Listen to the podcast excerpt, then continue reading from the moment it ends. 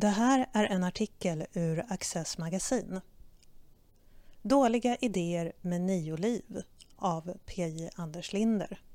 Den nya pandemilagen ger regeringen mycket stora befogenheter. Att förbjuda politiska möten, gudstjänster och föreställningar med publik. Att stänga restauranger och butiker. Att införa vistelseförbud i offentliga miljöer om alla möjligheter utnyttjas fullt ut blir resultatet mycket likt det undantagstillstånd som saknas i grundlagen. Riksdagen ska få ta ställning till regeringens åtgärder inom en vecka fast ingripandena blir förstås lika stora även om lagstiftarna nickar bifall. Ändå röstades den framhastade och av JO hårt kritiserade lagen igenom i stort sett utan diskussion om de potentiella inskränkningarna av våra medborgerliga fri och rättigheter. Oppositionen klagade mest över att lagen dröjt. Ingen vill framstå som mjuk i kampen mot smittan. Men måste verkligen de styrande få all denna makt? Finns det behov av de åtgärder och förbud som lagen öppnar för? Begränsas smittspridningen på ett meningsfullt sätt om man hindrar människor att samlas till gudstjänst med god fysisk distansering? Hur mycket kan sjukdomsläget förvärras om folk promenerar tillsammans i en park? Kan man åstadkomma något substantiellt med näringsförbud för de som driver butik? Något som sett till helheten gör mer nytta än skada Kanske det, men då vill man höra välgrundade argument. Skarpa åtgärder kan vara motiverade, men det måste finnas en rimlig proportionalitet mellan åtgärd och effekt. Regering och riksdag ska inte få långtgående befogenheter att inskränka människors frihet bara för att de vill ha den. Måndagen den 13 september är det stortingsval i Norge Statsminister Erna Solbergs Höyre är största parti i mätningarna men de ligger under valresultatet från 2017. Regeringens borgerliga småpartier svävar farligt nära den nivån där de svenska liberalerna numera dväljs. Arbetarpartiet AP rosar inte heller marknaden. Partiet ses som energifattigt och vilset och har sjunkit ner under Höyres nivå. AP har varit störst i varje stortingsval sedan 1927 men nu kommer det mätningar där man inte ens tar hem andra platsen. Ty lika dåligt som det går för AP, lika bra går det för Centerpartiet, SP. Partiledaren har goda skäl för sitt ständiga leende.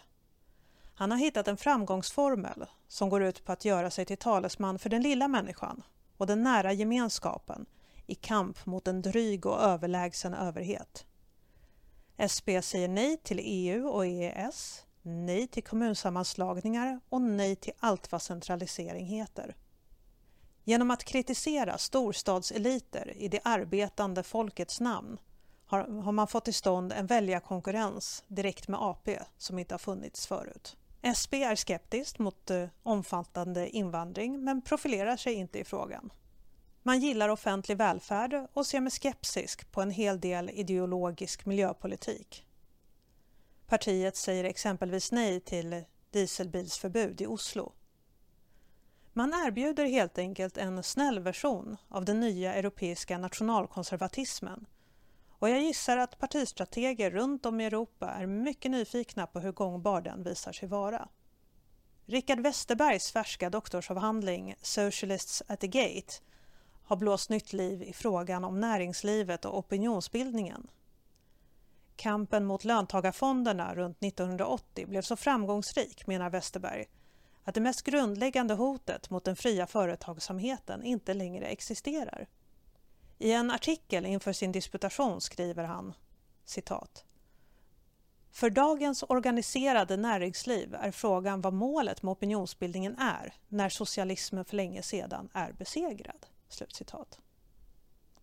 Det enkla svaret är tyvärr att man aldrig kan utgå från att politikens dåliga idéer är slutgiltigt besegrade. Glömskan är en mäktig kraft. Fondstriden har 40 år på nacken och det är 30 år sedan Sovjetväldet föll. De nya hoten kommer förstås i ny och annan skepnad. Men det lär inte bli brist på uppgifter för de som gillar marknadsekonomi, entreprenörskap och företagande. För det första behövs eh, kontinuerlig folkbildning om vad näringslivet ägnar sig åt och betyder. Det kommer ständigt nya årskullar som behöver få veta att det är i företagen, inte i regeringskansliet eller Riksbanken, som resurserna och välståndet skapas. För det andra behöver det ständigt påpekas att hälsan hos det marknadsekonomiska maskineriet är beroende av den politiska miljön. Näringslivet kan skapa välstånd även när det regleras och beskattas. Men om friheten och svängrummet blir alltför begränsade blir också prestationerna sämre. Ett gynnsamt företagsklimat är inte bara värdefullt för företagen. Det är i högsta grad ett allmänintresse. För det tredje måste man se till att staten är välskött. Under alla år av defensiva insatser mot de som vill expandera det offentliga bortom det rimligas gräns har marknadsekonomins vänner emellanåt glömt bort hur viktig staten ändå är och hur även företagsamheten drabbas när den inte fungerar. Tyvärr är det illa beställt på många fronter. Brottsligheten belastar företagen med tiotals miljarder i direkta kostnader varje år. Gängvåldet skapar en allmän otrygghet och osäkerhet som självfallet drabbar den fria ekonomin. Energipolitiken präglas av ideologiska drömmerier vilket har lett till att vi drabbas av effektbrist samtidigt som elektrifiering är en av de mest angelägna framtidsfrågorna. Universiteten beskrivs som undermedlet som ska lösa de flesta samhällsproblem. Men håller högskolan måttet? I somt med god marginal, i andra fall inte alls. Vittnesbörden tycks tyvärr bara bli fler om kvalitetsproblem i både undervisning och forskning. Och så kan man fortsätta. Krisberedskap, tillståndsprocesser, infrastruktur. Uppgiften att hålla statsmakten i schack kommer aldrig att bli passé, men detsamma gäller värdet av att staten fungerar och sköter sitt jobb. Två färska böcker om krig i Finland låter sig läsas med stor behållning.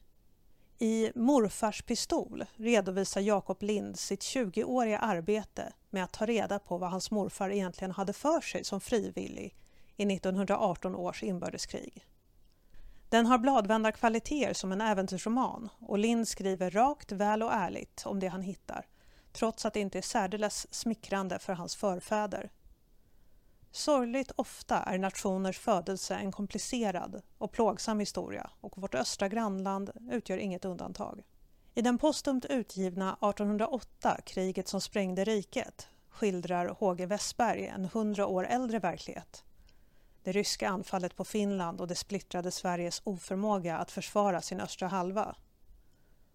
1809 blev året då riket klövs, men det var 1808 som det egentliga avgörandet skedde.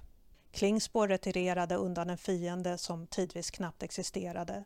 Kronstedt gav upp Sveaborg utan strid. Förstärkningarna från väster uteblev.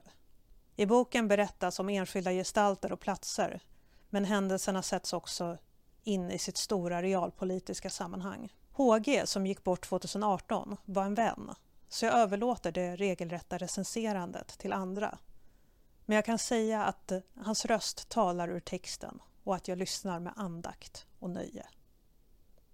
Du har lyssnat på en artikel ur Access magasin. För fler artiklar, poddar och Access TV besök oss på www.access.se och följ oss i sociala medier.